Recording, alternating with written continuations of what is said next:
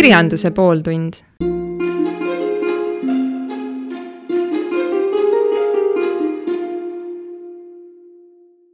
tere tulemast kuulama Kirjanduse pooltundi. mina olen Agnes Mäe ja minuga on stuudios ka üks eriti põnev inimene, kes on ilmselt paljudele teistelegi siit tuttav, kes on varem Põltsamaa raadiot kuulanud ja Eliise Kuus, tere tulemast! tere, tere, mul on väga-väga hea meel siin olla jah, ja väikese vahemärkusena ütlen seda ka, et mina ja Eliise tunneme üksteist juba vist äkki kaksteist aastat.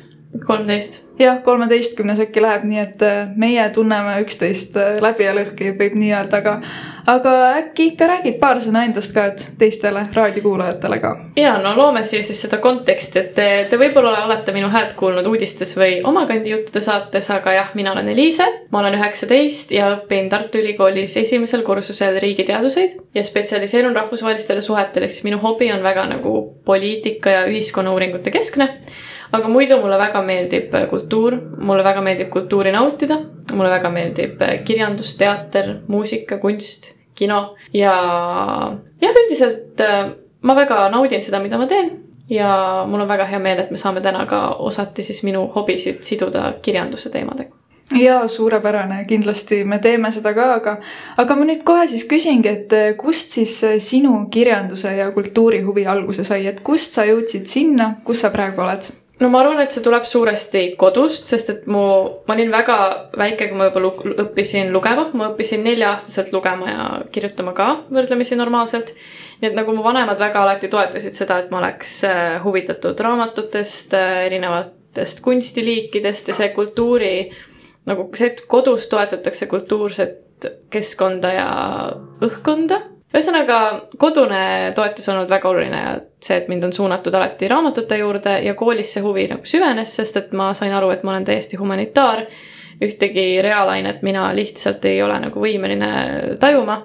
ja siis ma otsustasin, et tuleb enda tugevused enda kasuks tööle panna ja ma hakkasin väga noorelt väga palju lugema ja ma olen terve elu väga lugemist nautinud. aga kas sinul on ka selliseid faase olnud, et, et alguses väikesena kõigile, kes on kunagi lugenud, et neile meeldib meenutada, et oi, nemad ikka loevad nii palju ja, ja endiselt loevad nii palju, et kas sinul on ka selliseid madalseise olnud või oled sa kogu aeg pidevalt väga aktiivne olnud?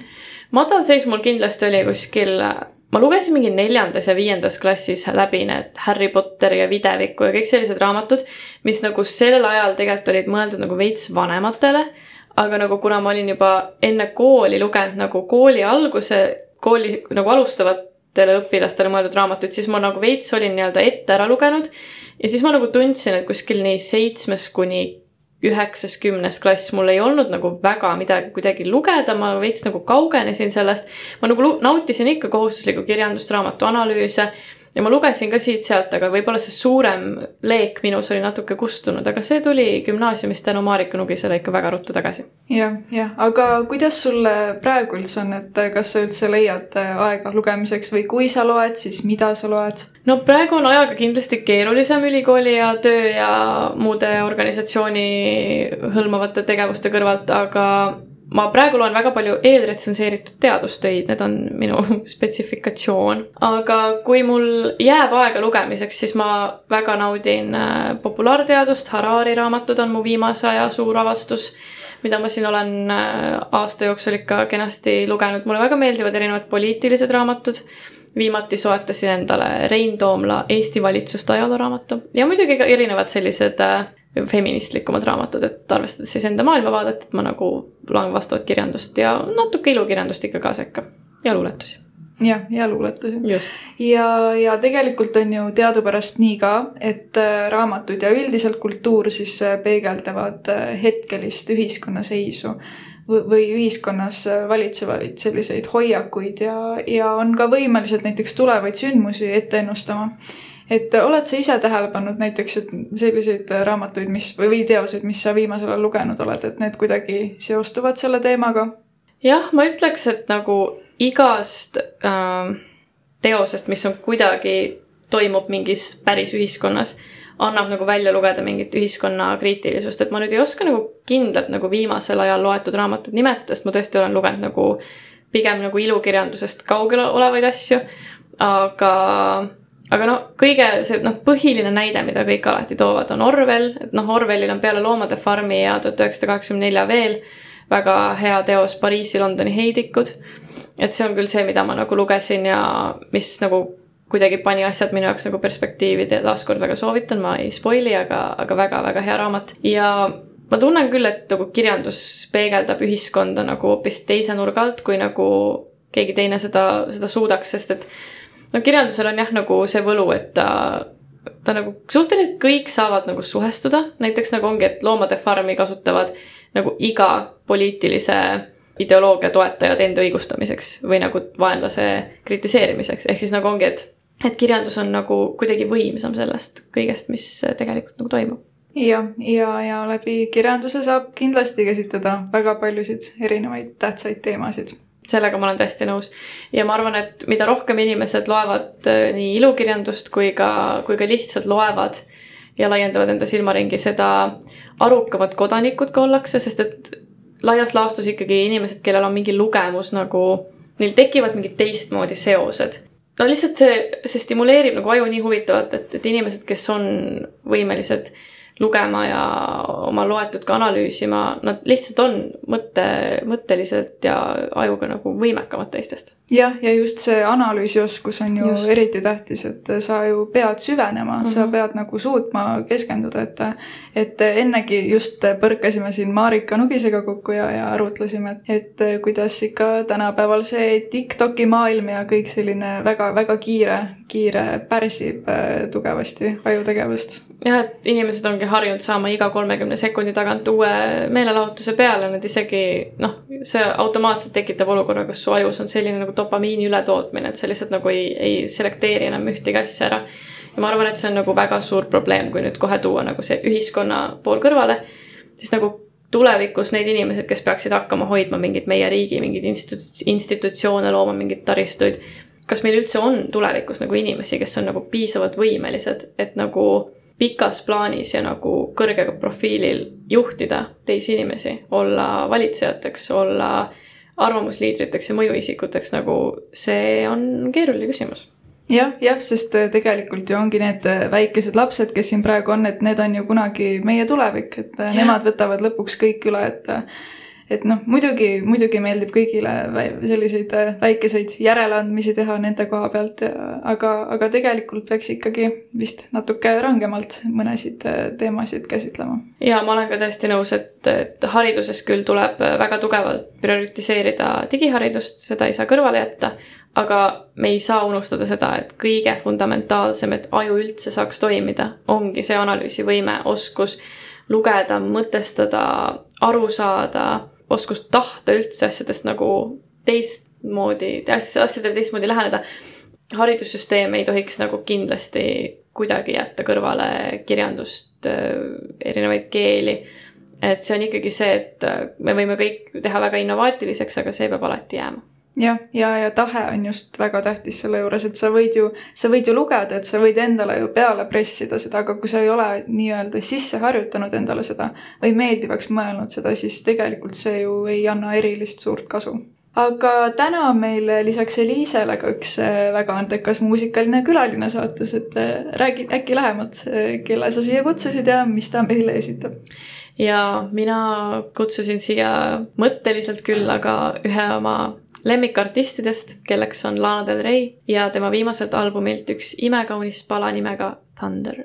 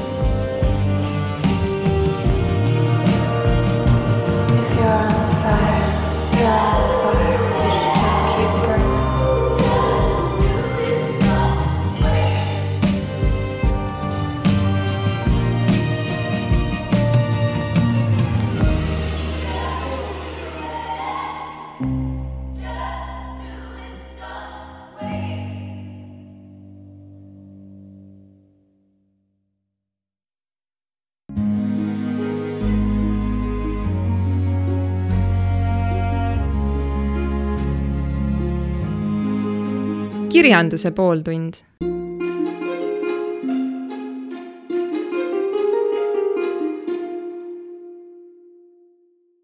nii ja oleme väikeselt äh, muusikapausilt nüüd tagasi. ja Eliise, ennist rääkisime siin äh, tänapäeva ühiskonnast, et äh, kuidas, kuidas ikkagi kirjandus ja kultuur mõjutavad väga inimest ise, inimese sisekaemust. Aga mis sa arvad, et kas tänapäeva ühiskonnas saab ka selliseid suuri ja just suuri muutusi läbi viia läbi kirjanduse? kusjuures ma arvan, et see on keerulisem, aga saab. kirjanduse kaudu võib-olla mitte niivõrd suuri, pigem mingi teater, muusika, kunst, et kuhu inimene nagu, noh, tahes-tahtmata lugemine nagu muutub natuke ebapopulaarsemaks ikka mida aeg edasi. Et läbi kirjanduse ilmselt, võib-olla läbi mingi maailmaklassika nagu uuesti nagu taastoomise, aga, aga läbi mõne uue teose, ma arvan, see on keeruline, see on tehtav, aga see on keeruline. ma arvan, et kõige nauditavam, noh, kõige lihtsam inimesele on, on saada mingi signaal ikkagi läbi mingi asja, mida ta vaatab. aga kuna see kirjandus ja kultuur siin nagu selles mõttes veidi ühtivad, siis äh, on lootust, et saab. ma ei tea, kuhu see nagu liigub ja kui palju nagu liigub ühiskond lihtsalt selle nagu niivõrd nagu tehnoloogia suunas, et sellist asja enam nagu üldse ei väärtustata. aga praegu ma olen veel nagu optimistlik. jah, aga see on, saab kindlasti vähemalt minu arvates väga raske olema e, eriti jah, muidugi läbi kirjanduse, aga ka läbi teatri, sellepärast et äh, mina, mina ju õpin kirjandust ja kultuuriteadusi ja seal meil äh, oli ka selline väike nii-öelda eksperiment ja, ja siis meil õppejõud rääkis, et keskmine Eesti teatrikülastaja on umbes selline viiskümmend pluss naine. et äh, jah, et olekski just tähtis nagu seda nooremat põlvkonda mõjutada, aga kui, kui jah, kui juba see teatrikülastajate selline keskmine vanus selliseid asju näitab, siis see saab ikka väga raske olema kui te näeksite, kui suureks mu silmad läksid selle info peale praegu, siis nagu ma olen, ma olen üpris üllatunud, et ta nagu nii kõrgel on see iga ja nagu viiskümmend pluss nagu keskmine teatrikülastaja. et ma arvasin, et ta on ikka natuke madalal.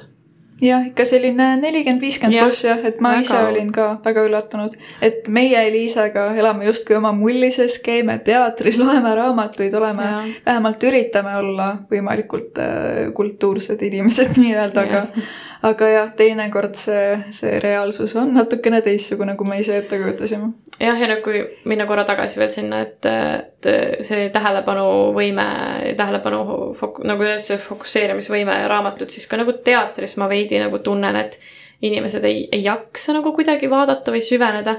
et nagu hästi peale nagu, mulle väga meeldib äh, stand-up comedy ehk siis nagu püstijalakomöödia eesti keeles öeldud, mulle, mulle nagu väga meeldib see. Aga nagu ma veidi tunnen, et kuidagi sel-, see on nagu saanud nii suureks tavaks ühiskonnas, et inimesed nagu teatris, nad eeldavad ka juba teatrilt nagu midagi muud, et nad saavad ka mingit kiiret nalja, kiiret meelelahutust. et kohati, kui ma olen käinud mingeid tõsisemaid tükke vaatamas, siis inimesed kuidagi nagu tahavad nagu naerda kuidagi valede kohtade peal ja nagu taktitunnet nagu kuidagi ei ole, et noh, et mul on selline tunne, et inimesed ei lähe nagu kuidagi sisse sinna teatrietendusse, mida nad äh, vaatavad ja siis tekibki see olukord, kus tahetaksegi nagu mingi fa-fa, kiire nali, põnevus, aga, aga kuidagi teatrikülastus on minu arvates nagu natuke mandumas. jah, ja muideks äh, sealsamas äh, teatritunnis me veel rääkisime ka sellest, et komöödia on äh, Eestis kõige populaarsem äh, žanr. ja noh, see seletabki, et äh, tavaliselt ikkagi tänapäeval ja noh, tegelikult üldse minnakse ju teatrisse eelkõige meelelahutuse pärast, et sul ongi näiteks, ma ei tea, raske töönädal olnud, sa tahad nagu natukene aega maha võtta, lähed teatrisse, vaatad mingit komöödiat. no mulle isiklikult üldse komöödia meeldib, ma olen käinud äh, kahte, kahte etendust vaatamas ja noh, mis iseenesest pidid olema nagu väga head etendused, aga no mulle ikka üldse ei läinud peale, et see ongi, minu jaoks on selline väga nagu labane, väga odav, et mina nagu, mina eelistan selliseid äh, noh, mina eelistan draamat ühesõnaga. sügavamaid tundeelamusi. no täpselt, ma sekundeerin, ma kuidagi, kui ma juba lähen teatrisse, siis ma tahan saada mingit sügavat emotsiooni, ma tahan natuke midagi sellist nagu rõlget, midagi ühiskonnakriitilist, mis asetabki nagu mingi peegli võib-olla nagu publiku ette, mis on, mida on raske mõista, mida tahaks mitu korda vaadata.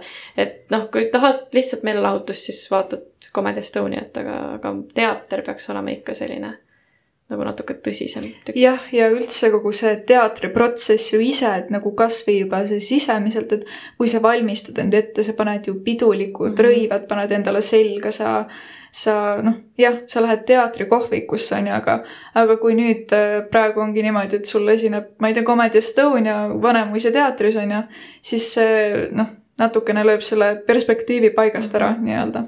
ma olen nõus jah, et nagu teater hakkab ka kuidagi, millest nagu ei saa nagu pahaks panna, nagu erinevad sektorid ja valdkonnad niikuinii nagu liiguvad ajaga kaasa, aga mina ka nagu tunnen kuidagi võib-olla seda, see vanamoodsus natuke tuleb siin, et tahaks ikka niisugust klassikalist teatrit. jah, kuigi noh, samas selles mõttes, et nagu noh, vinguda ei saa mm, -hmm. et Mhm. inimesed endiselt käivad teatris, aga lihtsalt nagu selline noorte osakaal seal võiks nagu mm. -hmm. palju suurem olla Jah.. Et meil tegelikult ju isegi vedas, et väikesena meil ju kogu aeg viidi klassiga teatrisse ja, isegi kui see oligi nagu vahepeal selline veits nõme ja natukene igav, on ju, aga noh, vähemalt me saime nagu selle kogemuse kätte. et mina väikesena nagu absoluutselt, issand, kuidas ma vihkasin teatrit, nii igav mm, Mhm. -hmm. nii mõttetu, mitte midagi aru ei saa, on ju. aga nüüd selle aasta jooksul või noh, selle kooliaasta jooksul, mis on mingi kolm kuud olnud või, Mm. ma olen äkki mingi kuuel etendusel käinud, et noh mm Mhm. -hmm., nagu võrreldes eriti eelnevaga nagu ülipalju lihtsalt. et jah, mul on ka teatriga see, et ma kunagi ei olnud nagu mingi üübervaimustuses, mulle on kogu aeg nagu väga meeldinud, aga nagu mida aeg edasi, seda, seda rohkem nagu meeldib ka.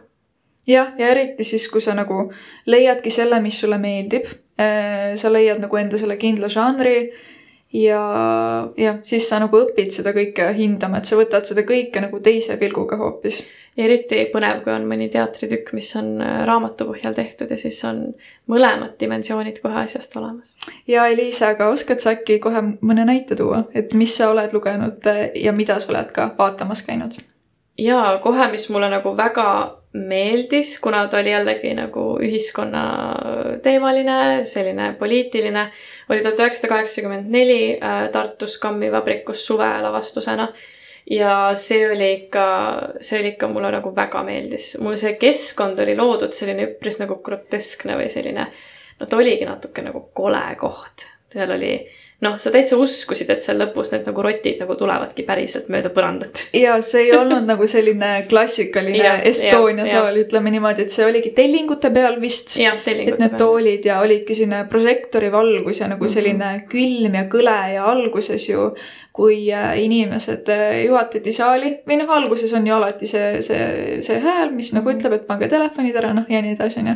ja siis see oli ju ka sellise masinliku häälega, et nagu kohe lõi seda atmosfääri seal, mis Jaa. oli nagu üliüliäge minu arvates. mulle ka hästi meeldis see, et, et seal sa said nagu täieliku elamuse. et noh, mulle meeldib üldse teatris istuda lavale hästi lähedal, mulle meeldib seal, kui on mingid päris nagu toit ei ole fake ja kõik ongi kas päris suits, midagi sellist, et noh, sa lähed hästi sinna sisse ja seal tuhat üheksasada kaheksakümmend neli oli nagu ülitugevalt tunda seda, kuidas see olekski nagu seal kohapeal ja kuna ta, ma olen seda raamatut ka nagu väga lugenud ja, ja nautinud, siis ma kuidagi, mulle meeldib jah, nagu öö, teost ja lavastust kõrvutada ja siis jällegi nagu natuke mõelda ühe peale ja teise peale, et ta, ta annab nagu sellise toreda teise perspektiivi, jah. ja alati on hästi huvitav vaadata, kuidas nagu sellised ekstreemsed, ekstreemsed asjad, mis seal raamatus oli, näiteks oli ju, olidki need piinamised mm, -hmm. need kõik need nagu need jõledused lihtsalt, et kuidas see on nagu lavaliselt lahendatud mm, -hmm. et see on ju väga keeruline tegelikult.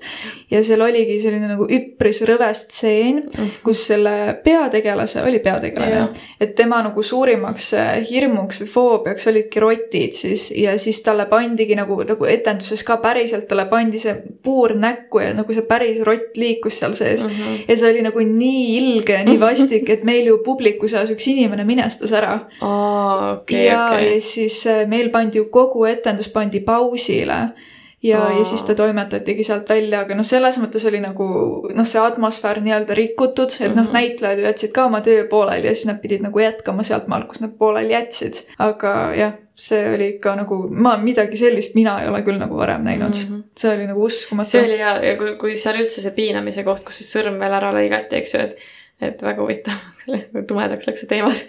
aga ühesõnaga, et ma nagu mõtlesin ka juba enne lavastust, et okei okay,, raamatus oli see nagu väga-väga nagu ilge, et nagu kuidas see on tehtud. see oli ikka päris hästi lahendatud. jah, jah, ja just see näitabki, et see on hästi tehtud, et see Jaa. emotsioon, mis me Just, sellest saime, on ju, et mul just, oli ikka külmajudinad peal, ütleme ausalt. veits oli hirmus tunne, selline tunne nagu igal pool oleks kaamerad ja kõik jälgiks. jah, jah, täpselt, olimegi täpselt seal selles raamatu situatsioonis. ja, ja teine etendus, mis me veel, ma tean, et me mõlemad vaatamas käinud oleme oh., me oleme isegi koos vaatamas käinud, on äh, Mephisto etendus, mis või tähendab Mephisto lavastus, mis on hetkel ka praegu Draamateatri mängukavas. jah, et räägid äkki sellest ka paar sõna? ma arvan, et mu terve nagu elu, mulle väga meeldib kõik kultuur, kino, kunst, kirjandus ja teada. ja kui ma nüüd võtan kõik kultuurielamused ja panen nad ühte patta, siis Mephisto tõuseb nagu väga tugevalt teistest esile. see Kertu Moppel on see lavastaja ja Juhan Ulfsak on siis peaosas. ja Kertu Moppel, kui see lavastus äh, ta, kui ta selle tegi, siis oli meil eelmine valitsus, kes siis poliitikaga natuke rohkem kursis, siis meil oli EKRE valitsus, EKRE Isamaa Kesk. ja Kertu Moppel on alati olnud hästi ühiskonnakriitiline ja ta on nagu, tema lavastused on alati ka nagu peegeldavad mingeid hetkeolukordi. talle väga meeldib, meeldib äh, selline terav ühiskonnakriitilisus, samamoodi ka Juhan Ulfsakile, kes on võtnud sõna, talle poliitikas miski ei meeldi, siis ta ütlebki selle välja. ja kuidagi see väga intrigeeris mind, sest et noh, jällegi enda, enda huvide tõttu. ja kuna Mephisto läheb ka sinna Faustiga natuke kokku, sest kuna Faust on ilmselt üks mu top viies nagu mu kõige lemmikumaid teoseid, siis noh, ühesõnaga see terve lavastus intrigeeris mind nii tugevalt, et ma olin aasta alguses mingi, kui see läks teatri, teatrisse, et appi, et ma pean seda nägema. ma jõudsin sinna küll pool aastat hiljem, aga me jõudsime, läksime koos. mul on väga hea meel selle üle, me käisime koos seda kaks korda lausa vaatamas ja see oli ikka, see oli ikka võimas, ma arvan, et sa tahad ka natuke sellest veel rääkida. ja, ja muideks Juhan Ulfsak ju, teda isiklikult paluti sellesse rolli, just ongi tema ühiskonnakriitilisuse, tema nagu hoiaku ja seisukohtade pärast, et äh, tema oligi nagu noh, kas tema, noh, ma võin nat- natuke eksida praegu, aga põhimõtteliselt kas tema või nagu mitte midagi, Mhm. onju. Et tema oli neil kindel sihtmärk ja see tõesti noh, me Elisega, me olime täiesti šokeeritud, et me ega ei noh, sõna rääkinud suust ei saanud pärast lavastuse lõppu jah. et jah, et see vist, ma ei tea nüüd, kui kaua see veel mängukavas on. ma arvan, järgmine aasta ta läheb vist veel edasi, ma vaatasin kevades, ma juba mõtlesin, flirtisin ideega, et ma lähen kolmandat korda seda vaatama. jah, et seda soovitame me mõlemad, noh, me ei taha nüüd midagi ette öelda, Noh, mis siin juhtus. võib-olla kontekstiks nii palju, et tegevus siis leiab aset nagu Natsi-Saksamaal nagu enne seda, kui natsid võimule said, võimupöörde ajal ja siis pärast, kui nad juba võimul olid. ja see siis räägib ühest äh, näitlejast, Äh, jah, jah. kes on ikka, on ikka, on ikka näitleja, Ja- suure tähega. ja see on ju tegelikult ka päriselu sündmustel põhinev. ta on mingi raamatu jah, jah, Klaus. Klaus Manni romaanil Mephisto oligi selle Jah. nimi, et et äh, siis see nagu näitabki, kuidas see inimene kohaldab ennast vastavalt äh, tema, Keskkonnale. jah, vastavalt keskkonnale ja vastavalt tema enese vajadustele. et ka kindlasti väga suur äh, mõttekoht paljude jaoks, et äh, tekitab, paneb ka ennast proovile, võib nii öelda. see kindlasti, kindlasti oli väga tugev mõttekoht ja vaadata, kuidas on, kuidas just on see polariseeritus, mis on ka väga suur probleem ühiskonnas tänapäeval ja lääneriikide seas, see muutub nagu ka järjest suuremaks, et inimesed on lihtsalt nii lõhestunud mingi poliitiliste vaadete või mingite põhiliste fundamentaalsete küsimuste üle, et enam ei suudeta isegi ühise laua taga istuda. ja see on nagu väga-väga suur probleem ja ma arvan, et see lavastus tegeles ka selle probleemiga ja näitas seda väga tugevalt ja näitas selle nagu üleüldse polariseerituse tulemit, mis, mis võib välja tulla sellest, kui ikka tõesti on inimesed väga kahte leeri jagunenud. Ja ma tõesti nagu noh, no täielikult soovitan, aga lihtsalt istuge võimalikult ette, sest et seal käib tegevust niimoodi lava pealt vahepeal maha. ja kõige parema kogemuse saab esireas istudes. jah, ja ma veel lisaks ütlen seda, et äh, kui te lähete teatrisse niisama lõbu pärast, siis noh, selles mõttes, et siis ma soovitan minna nädalavahetusel. aga kui te tõesti tahate nagu väga sügavalt, väga hingega, ütleme niimoodi asja juures olla, siis, siis mina pigem soovitaks minna nädala sees, et nad tihti mängivad vist neljapäeviti või midagi sellist. et äh, meie Eliisega oleme käinud siin nädala sees ja nädala lõpus ja noh, selles mõttes, et see, see on, need on kaks erinevat kogemust, ütleme niimoodi. Ja see valede kohtade peal naermine oli, oli küll nädalavahetusel nagu andis tunda, et inimestel oli juba mingi väga eufooriline meeleolu ja ja kohati oli siukest taktitundetust seal, seal saalis, aga, aga minge, minge nädala sees. jah, ja nüüd anname taas sõna meie muusikalisele külalisele Elise, mis, mis sa oled teiseks looks meil välja valinud? ja järgmiseks looks on siis, jätkame sellisel rahulikul ja väga mõnusal noodil ja Enya Aniron.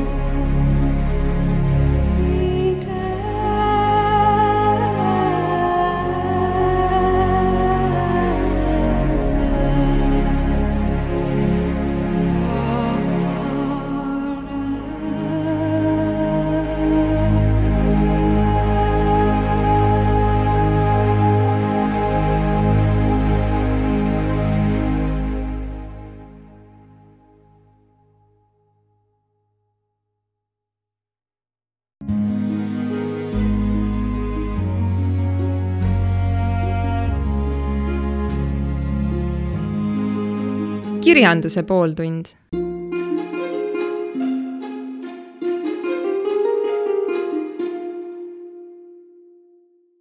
nii, aga kui me nüüd võtame siin äh, kõik kokku, mis me täna rääkinud oleme, et äh, Eliisa, et mis sa siis ütled, et mis on see kõige suurem seos äh, kirjanduse ja, ja kultuuri ja, ja ühiskonna vahel nagu üleüldse? et kuidas sina seda asja näed? No üleüldse see saade võiks siin kesta tunde ja tunde ja me võiks ka selle küsimuse üle pead murda tunde ja tunde ja ma väga hea meelega teeksin seda ja me kindlasti ka selleni kunagi jõuame. aga kui ma nüüd peaks leidma selle, selle mingi seose ühiskonna ja kirjanduse ja kultuuri vahel, siis minu jaoks ongi selline kultuur ja kirjandus on kuidagi ülev ja, ja ma tunnen, et, et see on asi, mida ei tohi lasta unustuse hõlma vajuda, sest et see on natuke nagu nii-öelda eluspikker nagu igas valdkonnas ja siis nagu ühiskonna teemadel siis nagu täpselt samamoodi. et tal on võime ennustada, tal on võime hoiatada, tal on võime asetada peegel inimese ette ja öelda, et vaadake, sellised te olete. tal on võime ka, ka väga halvasti mõjuda ja, ja väga inimesi lõhestada.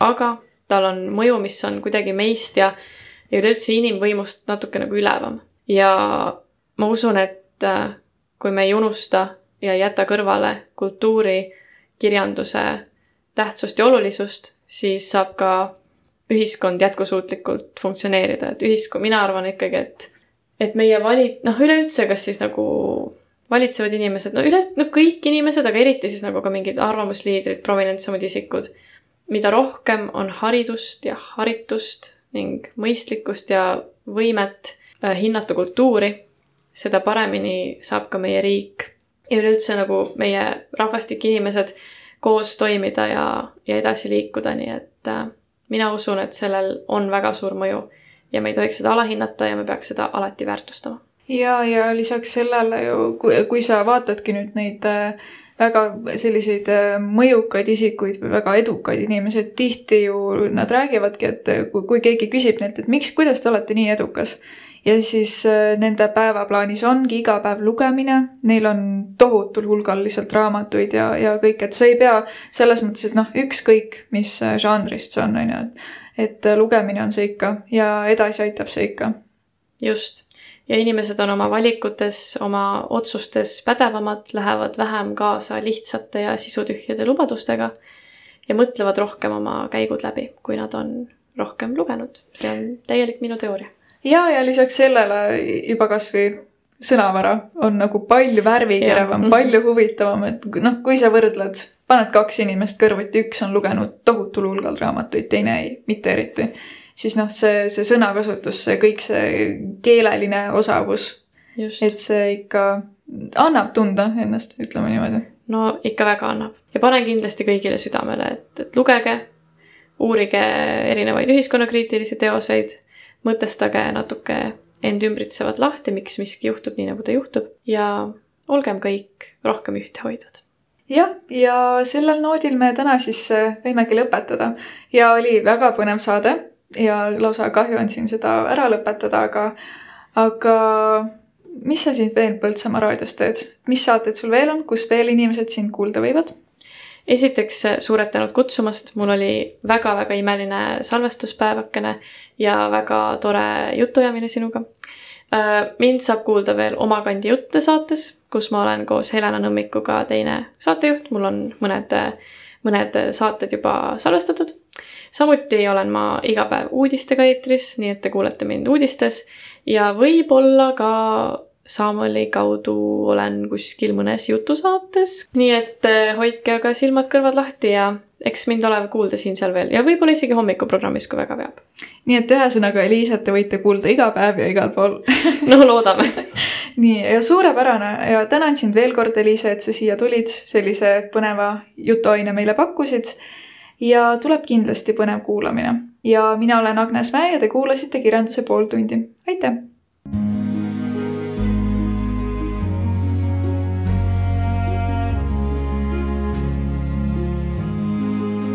Kirjanduse pooltund